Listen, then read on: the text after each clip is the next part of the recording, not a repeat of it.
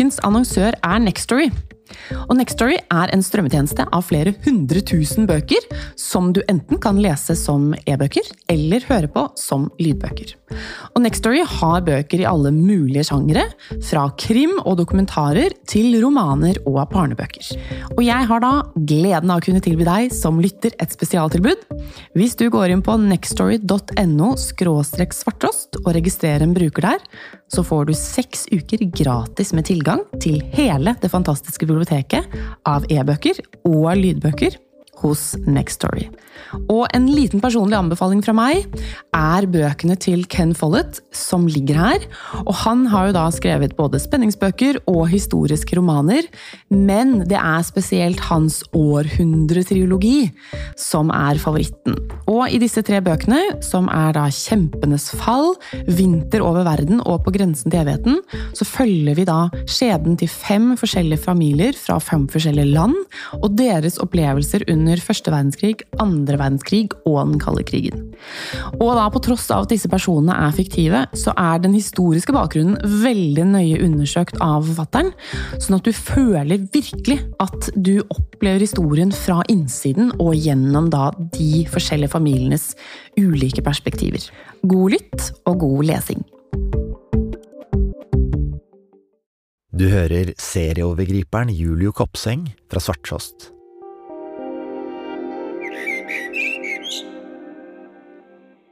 Dette er den første av fem episoder, og jeg heter Sindre Liganger. I 2013 får politiet inn et ras av henvendelser etter at store overskrifter avslører at en såkalt NRK-danser, som også har vært med i Norske Talenter, er tiltalt for overgrep og voldtekt. Mannen er flammeslukeren, danseren og entertaineren Julio Kopseng. Men det ingen veit, er at det skal komme mer.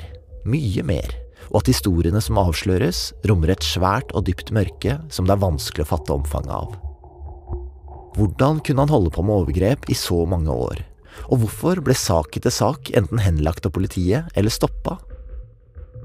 Det er Line Alsaker som forteller historien om en av de største overgrepssakene vi har sett i Norge.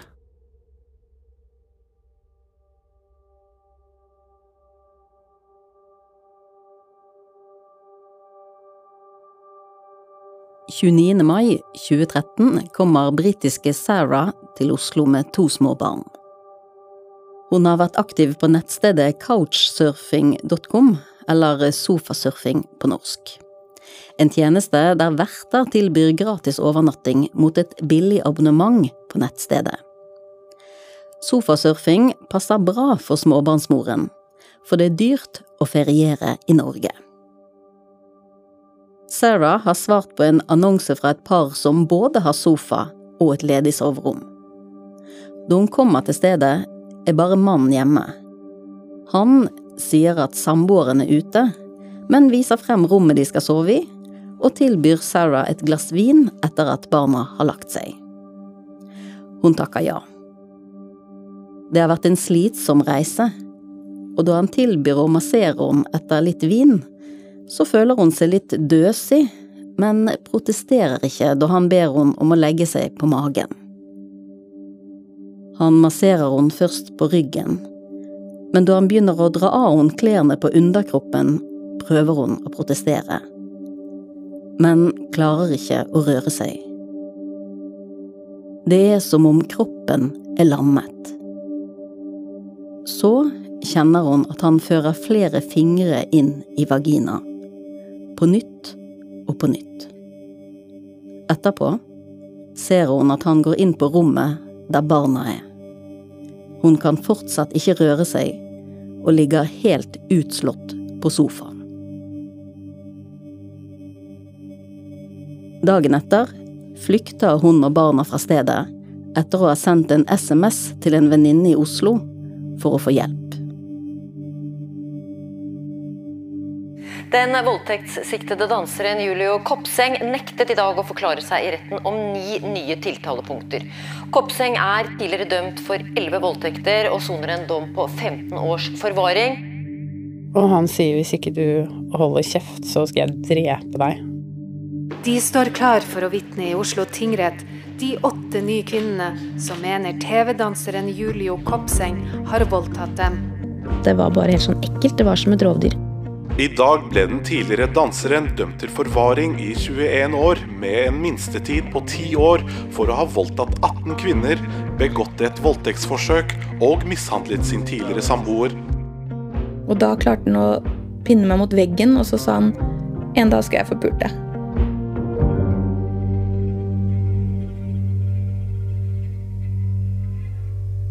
I 1982 kommer en femåring fra Colombia til Grefsen i Oslo.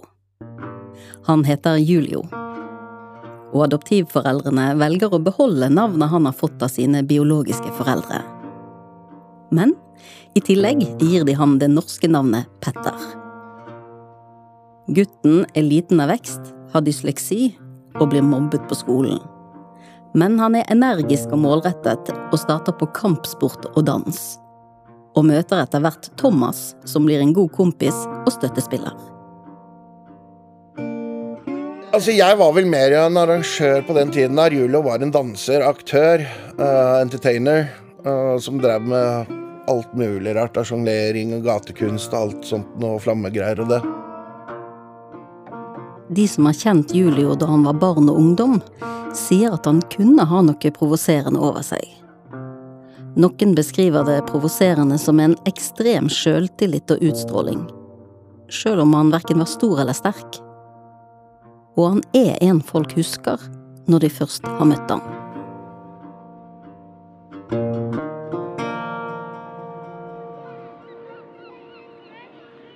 Jeg og en barndomsvenninne, eh, vi dro på Ingerstrand. Det er en nydelig sommerdag i 2001. 15 år gamle Ninja bor litt utenfor Oslo, og pleier derfor ikke å være på stranden i dette området. Og så var det da en eh, som kom bort, som hadde med seg en hund, en amstaff. Eh, Jeg er veldig glad i dyr, så jeg ble jo naturlig opptatt av denne hunden. Hundeeieren er en ung fyr i badeshorts som vil prate. Det minnet som kom tilbake, er det at han, han står der, og den hunden er der, og den røde badeshortsen. Så hva, hva som ble sagt, husker ikke, husker ikke noe annet enn at jeg syns den hunden sikkert var veldig søt, som jeg syns med alle dyr. Fyren i den røde badeshortsen sier at han heter Julio. Han er ikke så høy, men virker veltrent og litt intens. Julio er en god del eldre enn Ninja og venninnen.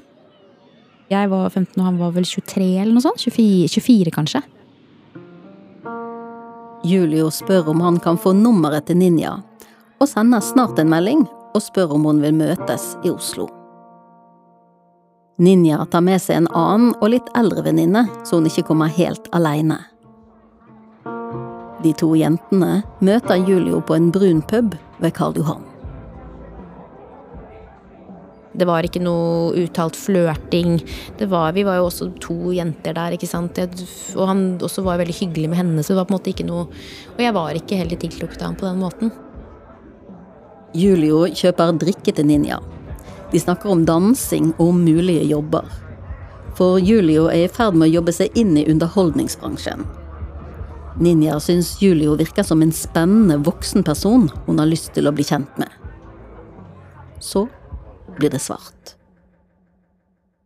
Det neste jeg husker da, er at jeg sitter inne i en taxi. Det er mørkt ute. Jeg sitter lent inntil døren på venstre side bak taxisjåføren. Eh, hvor jeg ikke forstår hvor jeg er, eller hva jeg gjør der. Julio sitter i taxien sammen med henne. Jeg merker meg at han sitter på siden mot døren på andre siden av meg, bak. Og så at jeg da rett og slett ikke klarer å bevege meg, klarer ikke å prate. Og forstår bare ikke hva som, som skjer. Det blir svart rundt henne igjen. Neste minne er da fra en leilighet jeg ikke kjenner meg igjen i, vet ikke hvor det er. At jeg ligger på ryggen på en sofa, og at han er over meg, og at jeg skjønner at nå skjer det noe som jeg ikke vil skal skje. Og, og da har jeg full panikk, og så er det mørkt.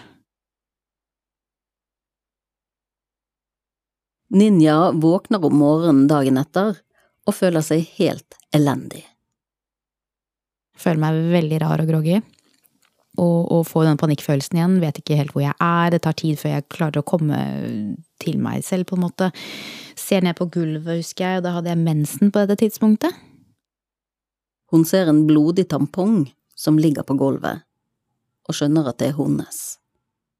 Jeg hadde jo hatt eh, et par opplevelser tidligere, så jeg visste jo hvordan det kjentes ut etter man hadde hatt sex. Og jeg kjente jo der nede liksom at det hadde skjedd. Hun er ikke aleine i rommet da hun våkner. Julio er der. Det er hans leilighet.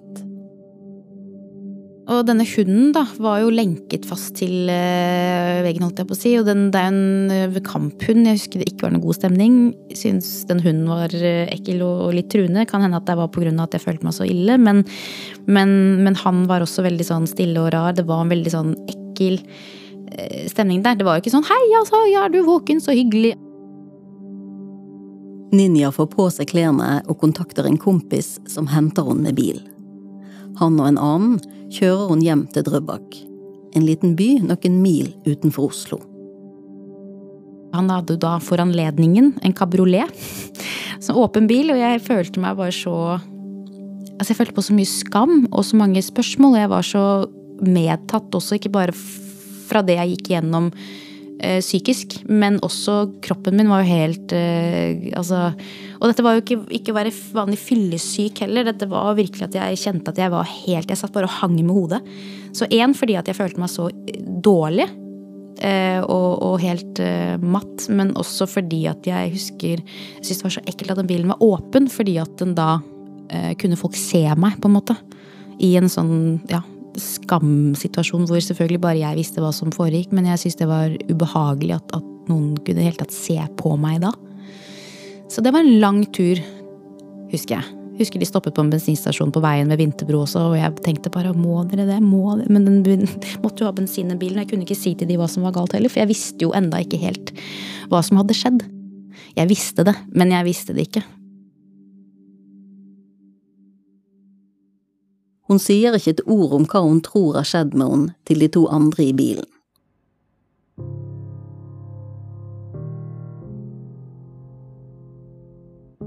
Det går noen uker. Kanskje noen måneder. Hun husker ikke helt. Så forteller Ninja faren om Julio.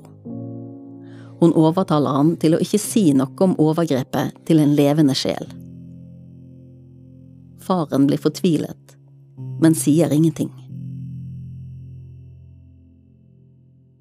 For jeg nektet ham, og eh, han, han, han, sa jo men vil du anmelde dette, jeg kommer til å støtte, altså vi kommer til å hjelpe deg.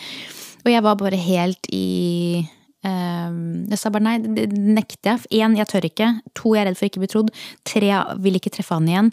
Uh, fire, jeg er redd for hva han kan gjøre mot dere rundt meg. Fordi han er i stand til disse tingene. Altså, han var bare en sånn figur sånn marerittsfigur i mitt sinn, som på en måte bare Var han i stand til den volden, så kunne han være i stand til så mye annet. Det kommer til å ta over ti år før Ninja og Julio ser hverandre igjen.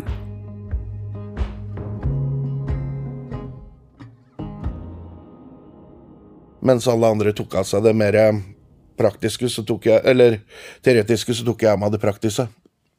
Så da var jo, Hver gang vi hadde noe, så var jo han han Julio var jo i nærheten, og han var jo en veldig god danser.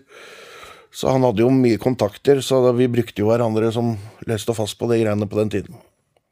Thomas og Julio blir venner på 90-tallet. Han er både fikser og sjåfør, og er glad i en fest. Julio tar gjerne styringen, mens Thomas henger på. Altså, det var høyt og lavt. Det var propell. Så det var så gøy å være med, for det var liksom du ble med på flytten. Så i begynnelsen så var han jo bare en kompis og hadde det kjempegøy og tjo og hei, liksom. Julio prøver å bygge en karriere i underholdningsbransjen. Han var uh, gummimann. Altså, det så ut som du hadde satt igjen med noen sånne dokkegreier og noen tråder og dro i, liksom. Han var helt rå på det. Han drev jo litt med sånn flammesluking og dansing og de greiene der, men han hadde noen dansemoves. Og så Han var, var en showmann, da, for å si det sånn.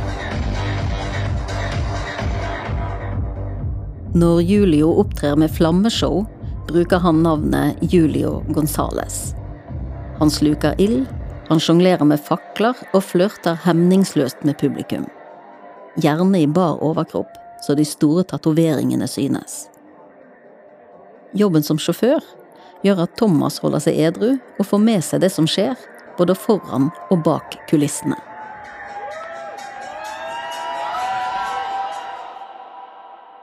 Han drev jo også som uh, erotisk danser, altså stripper. Uh, som jeg var sjåfør til en del sånne jentefester og sånt. Og kan være der. Og så har han vært uh, bare forsvunnet inn på et rom eller dratt med seg noen jenter rundt et hjørne eller noe sånt. Nå, så vi har da sett han forsvinne både med én og to jenter inn på et rom, eller bak et forheng eller noe sånt. Og da har vi bare vært sånn Det er Julio.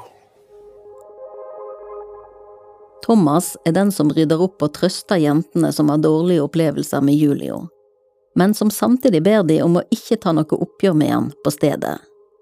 Sjøl om Thomas ser at de er såret etter å ha blitt utsatt for Julios skiftende humør og interesse.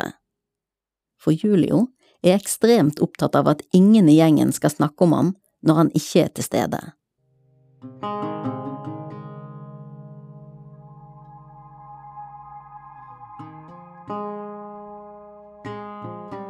Jeg ba om en cola, mener jeg å huske, så at han kjøpte en cola til meg. Det har gått tre år siden 15 år gamle ninjaer ble dopet ned og voldtatt av Julio etter å ha møtt han på Ingjerdstrand. Det er blitt 2004. Hun vi her kaller Hanna, er 20 år gammel og er på jobbjakt. Hun har tidligere jobbet med kundebehandling i Disney World i Florida i USA og på Subway i Oslo med å lage bagetter. Nå har hun søkt på jobb som utendørsselger, og det er Julio som intervjuer hun og en til. Og så satt vi der og skravla om selve den jobben. Det var noe angående telefons... Ikke telefonsalg sånn som i den forstand vi kjenner det nå, men mer sånn selge telefonabonnement, tror jeg, og SIM-kort og sånne type ting for et telefonselskap, hvor du sto nederst på Karl Johan og liksom var en type som sto bak en sånn stand og solgte SIM-kort. Så han fortalte litt rundt det. Og så husker jeg vel ikke egentlig så veldig mye hva vi snakka om, annet enn at jeg husker at han på et eller annet tidspunkt skøyt inn i samtalen at han hadde jobba tidligere som torpedo. Hanna tenker at Julio tøffer seg og legger på litt når han forteller historier. Så dro vi bortover til der hvor han hadde den standen sin, fikk hilst på de kollegaene som sto der da. Eh, eller kollegaer blir det jo ikke for meg, men hans kolleger. Og så eh, gikk vi en tur, tror jeg, vi, hvor vi bare skravla. Han var veldig lett å prate med, veldig Virka kjempehyggelig. Veldig sånn karismatisk fyr og veldig sånn livlig og mm, Veldig sånn Tenkte sånn Ja, bra, han som sjef, det er sikkert hyggelig. De fortsetter å gå nedover Karl Johan og skravle. Men så skjer det noe. Julio stopper og ser på Hanna. Han sier navnet hennes, og så sier han. Eh, du virker som en jente som eh, tar en utfordring på strak arm. Jeg ville jo ha denne jobben her. Så jeg tenkte ja, ja, men selvfølgelig, liksom. Visste ikke helt hvor han ville med det, men da sa han bare at ja, nei, men jeg vil at du skal gå inn på Vis meg at du tør å gå inn på guttedomen på Burger King. Ja, ok. Ja. Nei, men det klarer jeg. Overhodet ikke noe farlig, det. Så jeg marsja jo rett inn på Burger King, gikk opp trappa der og inn på guttedoen. Og når jeg da snur meg for å liksom gå ut igjen, for å være sånn ta-da, se, jeg turte å gå inn på guttedoen, så har jo han da kommet inn på guttedoen. Og da dytter meg videre inn på guttedoen, begynner å kysse meg. Og jeg sier nei stopp. Veldig mye nei. Det hørte han jo ikke på, så han dytta meg videre inn mot en av de båsene. Om døra ble lukka, det tror jeg. Jeg er ikke 100 sikker. Men da fortsetter han å, rive ned buksa mi og presse seg inni meg bakfra. Jeg fortsetter jo å si nei, og gråter. Og han sier hvis ikke du holder kjeft, så skal jeg drepe deg. Og det var vel da den der lille bildet med det at han hadde jobba som torpedo før, hvor jeg tenkte oi, han fyren her kødder ikke. Han fyren her er farlig. Og så besvimte jeg, rett og slett.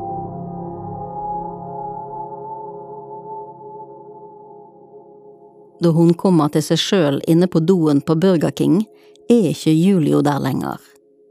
Hanna får på seg klærne og skynder seg ut.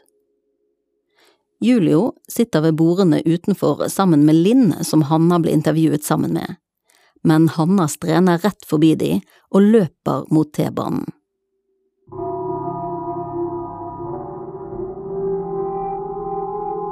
Linn kommer etter henne og spør hva som har skjedd.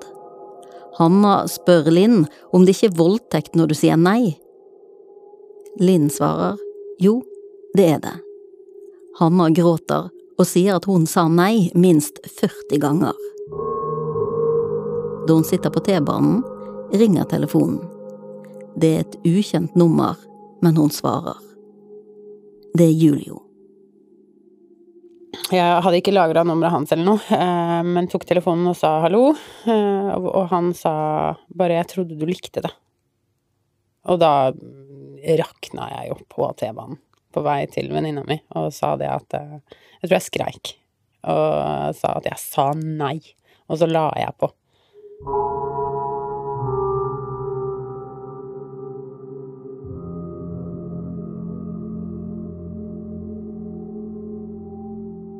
Hun får en venninne til å bli med seg til politistasjonen for å anmelde voldtekten. Det er blitt seint da Hanna kommer inn til en samtale med en politibetjent.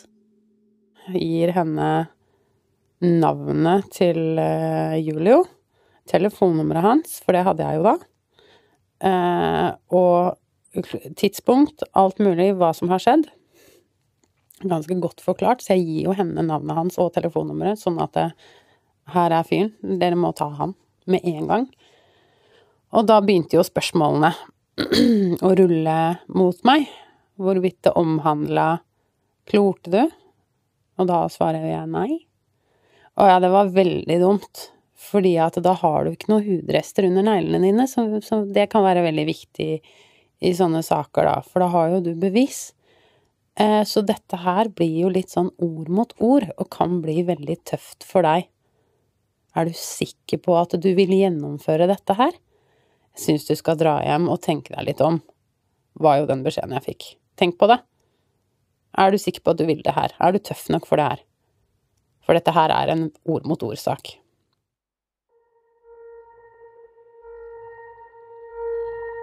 Hanna blir paff av spørsmålene og måten de blir stilt på, og bestemmer seg for å dra hjem til kjæresten og tenke på hva hun vil gjøre videre med saken. Kjæresten har fått vite alt som har skjedd, og passer på henne når hun gråter hele natten. Hanna skammer seg over at hun ikke gjorde motstand.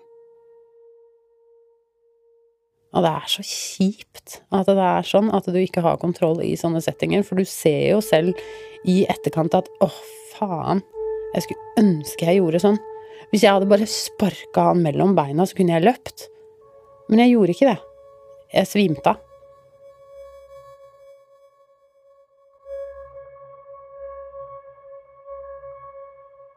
Det går noen dager. Så tar politiet kontakt. De spør om Hanna fortsatt vil anmelde Julio for voldtekt. Men hun vil ikke det. Jeg tror hun på telefonen spurte hvorfor. Og så sa jeg nei, men dere sier det jo selv, det blir jo en ord mot ord og en veldig psykisk påkjenning for meg. Så da tenker jeg at da driter vi i det, da. Ja, det var greit. Så lykke til videre i livet. Ha det bra.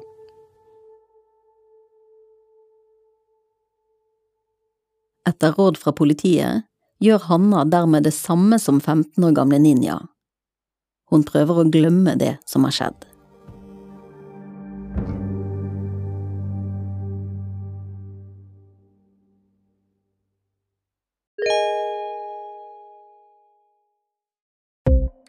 Driver du en liten bedrift? Da tenker du sikkert at dette er en reklame for fiken. Men det er det ikke, for vi er Folio. Folio er en banktjeneste for bedrifter, og vi er fikenbrukerne sin absolutte favoritt. Med Folio får du nemlig en superenkel nettbank og kjappere regnskap. Dessuten får du påminnelser om alt du ellers må huske på. Med Folio er alt samlet på ett sted, og du får umiddelbart kontroll over utgifter og kvitteringer. Besøk folio.no og se hvorfor bedrifter foretrekker oss fremfor de store bankene. Folio smartere enn banken. Før du hører videre, så vil jeg tipse deg om en annen serie som du finner her i Svarttrost Dukk. En høstkveld i år 2000 forsvinner 20 år gamle Tina Jørgensen sporløst fra Stavanger. Er det noe vi kjenner? Hva, hva er det som har skjedd her? Den natta hun ble borte, var det mange mistenkelige folk på byen. Altså, det var så mange med et sedelighetsmodus som var kartlagt rundt Stavanger sentrum. Det leites i flere uker uten resultat, helt til to politifolk åpner et kumlokk. Det er et bilde som har brent seg inn i, i minnet mitt som du aldri kommer til å glemme når du snakker om det. Dette er Tina.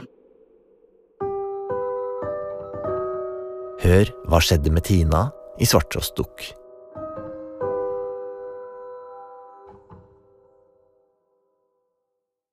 Nå tilbake til episoden. Han gikk for å være en uh, Hva skal jeg si for noe? En sjarmør, uh, en player, som det heter. Han, han kunne den der spilleboka. Han kunne den fra A til Å. Thomas, Julios sjåfør, jobber som snekker på dagen, men er med og fester hardt med Julio og gjengen i helgene. Han kunne gå inn i et rom, og det tok ikke mange minuttene, så visste du hvem som ville være med han på hjørnet, liksom, eller han bare dro med seg. Der han gikk inn, der kunne vi bare, egentlig bare følge på. Det som da ble ikke han tok med seg, det var liksom de bare ble med av at det var han som dro med, og så fikk vi resten, for å si det sånn.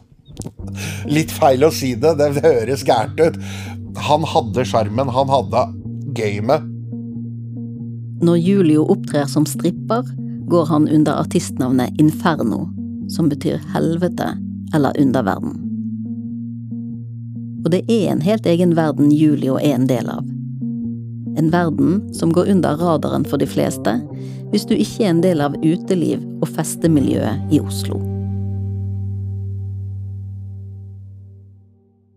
I mai 2005 kommer en 14 år gammel jente til makeupskolen i Oslo sentrum for å ha arbeidsuke. Det er like før hun skal konfirmeres, og hun gleder seg til å gjøre noe annet enn å sitte på skolebenken en ukes tid. En av modellene på makeupskolen er Julio Kopseng. I tillegg til jobben som modell er han assistent for de som trenger det på skolen, og Julio er en populær og sosial fyr som villig forteller om at han driver et eventbyrå som trenger modeller, både til dansevideoer og vanlige bilder. For de unge på skolen virker han som en som har et stort kontaktnett. Jeg fikk ikke lov til å dra dit alene, liksom, men pappa jobba i Oslo, så jeg var jo Jeg satt jo på med han hver dag inn. I denne serien kaller vi hun Jenny. I dag har Jenny et lite barn, og det er barnet som lager lydene du hører i bakgrunnen. Men i 2005 er Jenny altså bare 14 år og møter Julio allerede første arbeidsukedag. Han har liksom en fin utstråling, eller hva jeg skal si, da. Virker liksom veldig trygg på seg selv, veldig sånn imøtekommende. Han virker veldig hyggelig, da. Jenny syns Julio ser bra ut. Han er trent, har stylet håret og er velpleid. Og det er mye å gjøre på makeupskolen, for det er stadig ting som skal ordnes. Litt utpå dagen, når det er tid for en pause, spør Julie og Jenny om hun vil bli med ut og ta en røyk. Så er det sånn gammel heis, så når du liksom holder hendene på den, så stopper den, da. Og i første etasje, det husker jeg veldig godt, der var det De drev og pussa opp. Så der var det eh, helt mørkt og ikke noe lys og basically bare betong, da. Men det var ingen som dreiv og pussa opp der den dagen. Eh, og så ja, stopper han jo heisen. Jenny blir stiv av skrekk da heisen stanser, og klarer ikke å si noe når Julio kommer mot henne. Så jeg ble egentlig sånn helt frossen, da, kan man si, og bare Hva skjer nå, liksom? Og så begynte han å kysse meg, og begynte på en måte å ta på meg og sånn. Eh, men jeg var liksom sjokkert. Jeg klarte på en måte ikke å gjøre noe særlig motstand. Syns egentlig bare hele greia var weird, da. Det er ikke, det er ikke normal oppførsel, liksom. Men samtidig så tenker jeg sånn Ok, har jeg gjort noe som indikerer at uh, han tror at jeg syns det her er greit? Um, men jeg kan jo ikke ha gjort det heller, fordi jeg har akkurat møtt han. og så tar han heisen ned, eller ja, trykker på knappen igjen, da, så tar vi den ned til, til første etasje, hvor den, det bygningsarbeidgreiene er. Og så drar han meg bare inn der, da. Og så Ja, tar Jeg husker ikke om jeg hadde på meg eller bukse eller et eller annet, men ja, ta i hvert fall det, da. Og så har vi Altså, ja. Så kan man si fullfører han det overgrepet, da, som jeg vil kalle det, i hvert fall. Um, ja. Og så går vi jo ut da, for å faktisk ta den røyken. Og da er jo han Han snakker som om ingenting har skjedd. Sånn helt normal og begynner å spørre meg liksom ja, om mitt liv og sånn. Men jeg husker han sa til meg, fordi han spurte hvor gammel jeg var. Og da når jeg sa det, så jeg, spør jeg sånn Ja, hvor gammel er du? Så han bare Nei, det kunne han ikke si, fordi det ville han fått problemer for, da. Så allerede da burde jeg jo skjønt, liksom Det er noe seriøst galt med han. Liksom.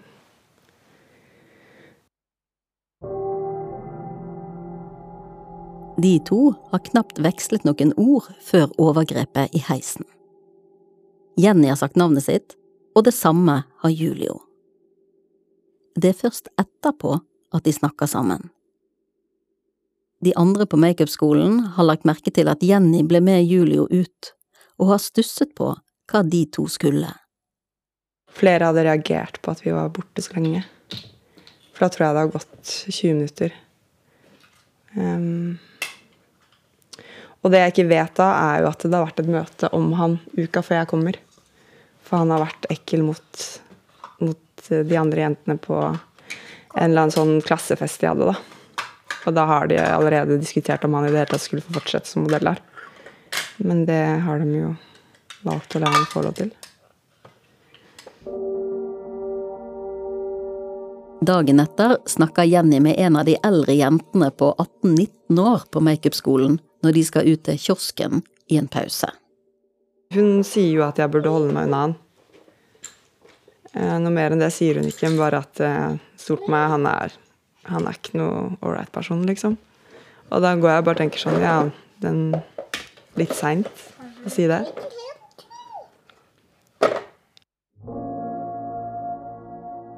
De på skolen som reagerte på at Jenny og Julio var vekke i over 20 minutter, har gitt beskjed til rektor. Hun tar inn Julio til en samtale. Etter samtalen med rektor kommer det en SMS fra Julio til Jenny. Hun er òg innkalt til en prat, og han kommer med tydelige instrukser om hva Jenny kan si og ikke si til rektor. Og den fikk jeg i bilen på vei dit, jeg satt ja, Pappa kjørte meg. Um, og det var veldig sånn streng tone. Du må si det og det og det. Men da turte jeg jo ikke noe annet. Um, og da jeg hadde gjort det, så ble det vel sånn fordi hun var veldig sånn Ja, hva skjedde der ute? Så jeg bare Nei, vi ble bare stående og, og ta en røyk og liksom ja, snakke. Så vi så ikke helt på klokka og sånn. Det, jeg føler på en måte at hun var litt i tvil på de tingene jeg sa. Men du kan jo ikke tvinge noen til å si noe annet enn det man står og sier, på en måte, da. etter det så var det jo litt sånn at han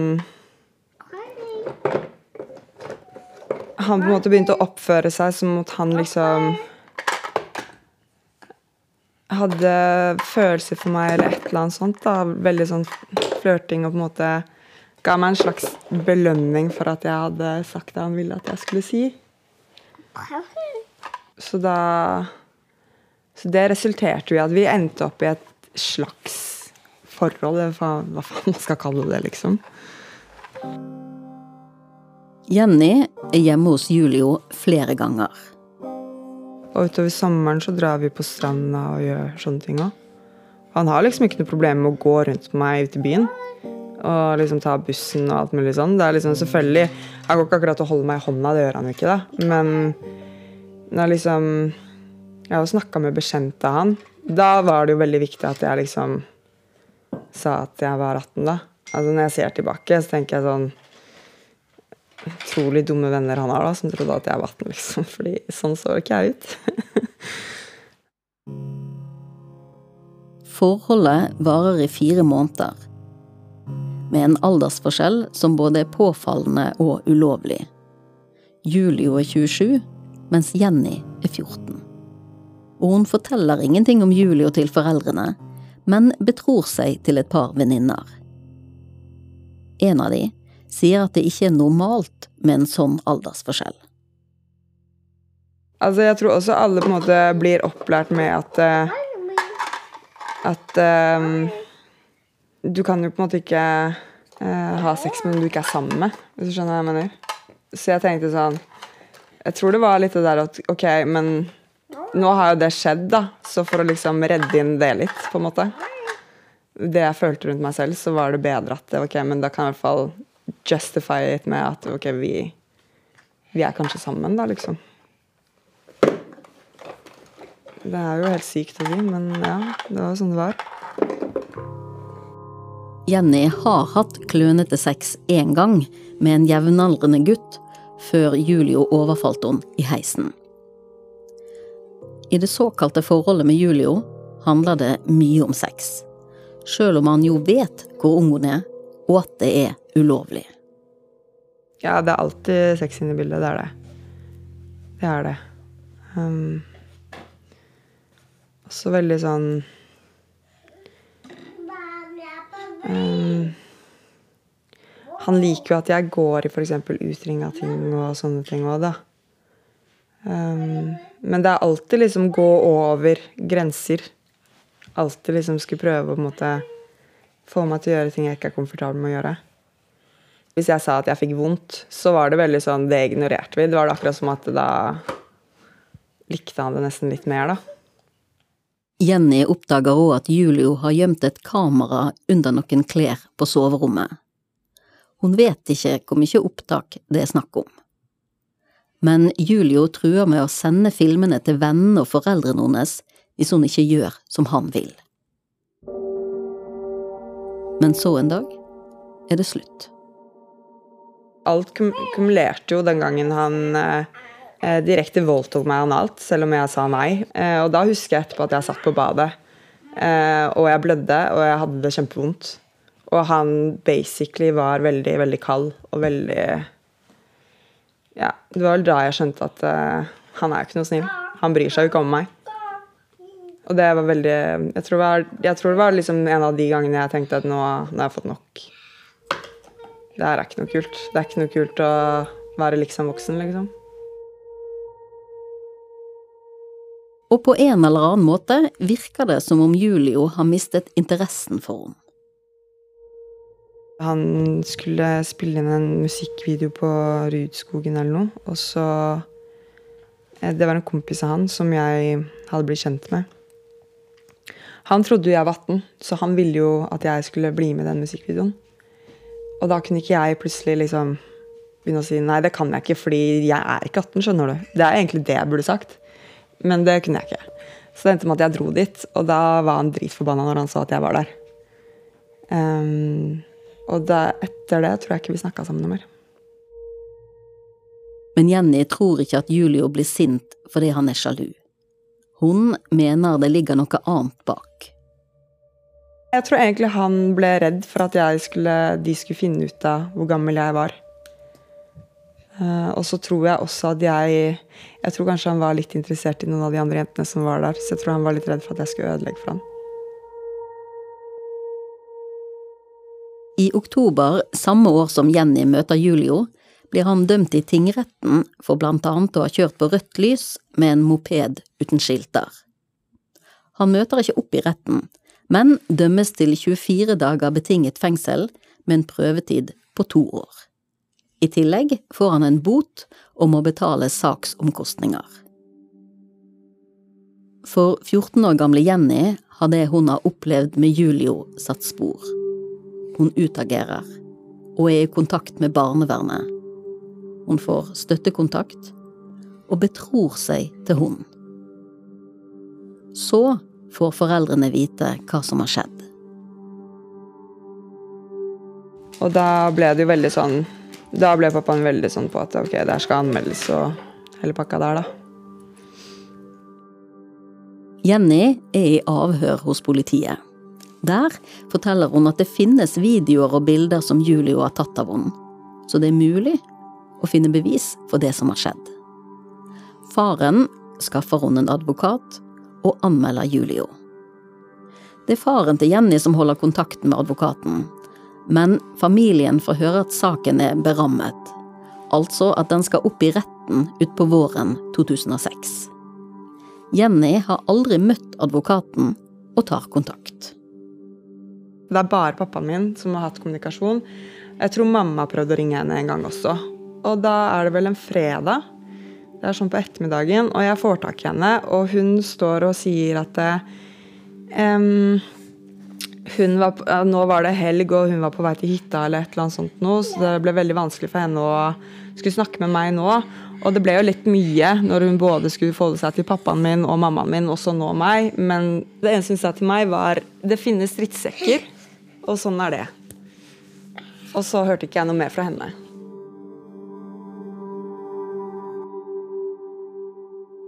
Der Hanna, som ble voldtatt på Burger King, ble anbefalt av politiet å ikke anmelde, så får Jenny nærmest samme råd av advokaten sin, som familien dermed avslutter samarbeidet med. Mens hun venter på hva som skjer i saken, går hun til psykolog for å bearbeide traumene. Så en dag får familien et brev fra politiet. De åpner brevet på psykologkontoret. Ja, jeg sitter hos psykologen min. Uh, pappaen min er der. Og ja, så leser jeg det brevet. Da blir jeg jo Jeg blir kjempelei meg, fordi jeg følte at eh, ok, hva er poenget med at jeg sitter og liksom utleverer eh, alt, alt det der, da? Og går rundt og gruer meg skikkelig og har skikkelig dårlig magefølelse i flere måneder i strekk, liksom. Til ingen, ingen nytte. Saken er henlagt på grunnlag av bevisets stilling, står det i brevet. Det blir ingen rettssak, sjøl om advokaten jo har sagt at saken skulle opp for retten. Så det var jo veldig nedtur at det ble sånn. Og så var det jo det at man tenker at det, Han virka så rutinert i det han gjorde, så man går jo og tenker at det, jeg er nok ikke den eneste. Så det handler jo litt om at man ikke vil at det skal skje med noen andre heller. Så ja. Nei, det var rett og slett bare skikkelig nedtur å få det henleggelsesbrevet.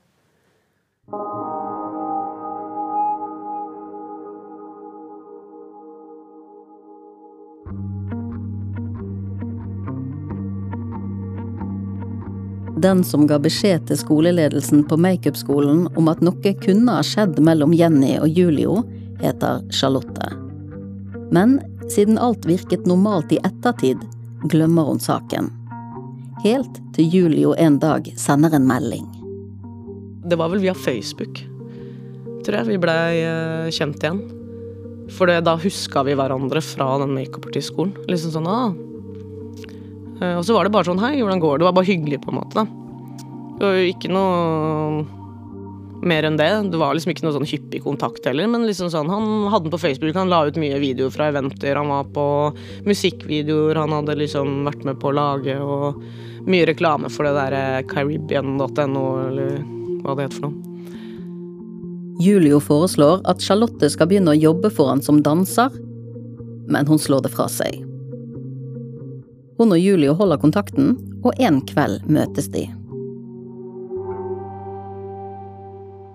Charlotte har lurt på å spørre Julio om hans versjon av hva som skjedde mellom han og Jenny under arbeidsuken på makeupskolen. Først så, så dro vi på Skaffe Sør, eh, hvor vi bare satt og drakk Jeg drakk en kaffe og han en øl. Og da spurte jeg han om det med hun jenta.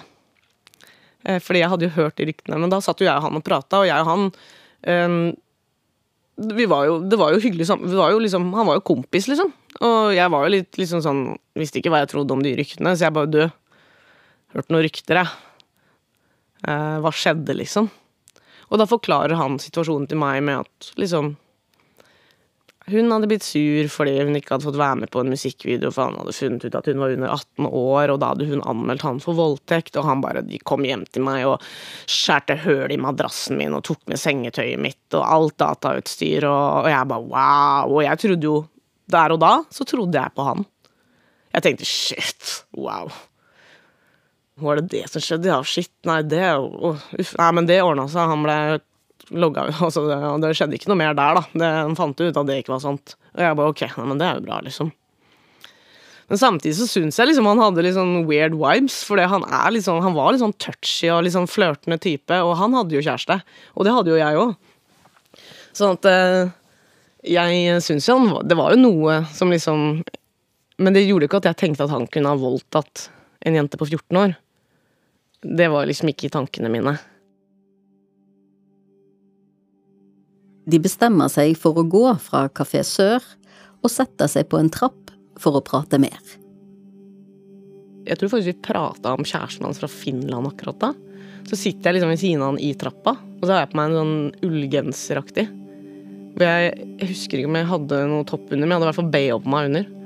Og mens vi sitter der og prater, så tar han plutselig begge hendene sånn opp under genseren min. Og liksom inn under BH-en min. Og jeg er bare sånn Hva gjør du? Og så bare ler han og liksom bare sånn Nei, sorry, sorry, jeg bare tulla, liksom. Og jeg bare sånn Jeg husker jeg reagerte hardt på det, men tenkte litt sånn OK, øh, var det tull? Okay, var bare tull. Altså, hva er det her ja. Så det var jo en sånn Men jeg skal også innrømme at opp gjennom åra som ungdom så har jeg opplevd at gutter plutselig bare tar deg på puppen eller midt mellom beina. Sånn at du er jo nesten litt sånn vant til det. Sjøl om Charlotte blir overrasket, blir hun ikke redd. For hun og Julio har jo jobbet sammen, og hun føler at hun kjenner han. Jeg tok det ikke som et tegn på at han her kan voldta meg. Eh, at eller neste gang jeg møter han aleine, så skjer det verre ting. Det neste møtet skal få store konsekvenser for begge to. Sjøl om Julio fortsetter å oppføre seg som om han er uovervinnelig. Stains on your hands won't go away. All your evil deeds still stays the same. You got only yourselves to blame. Now that history has taken all your names, because history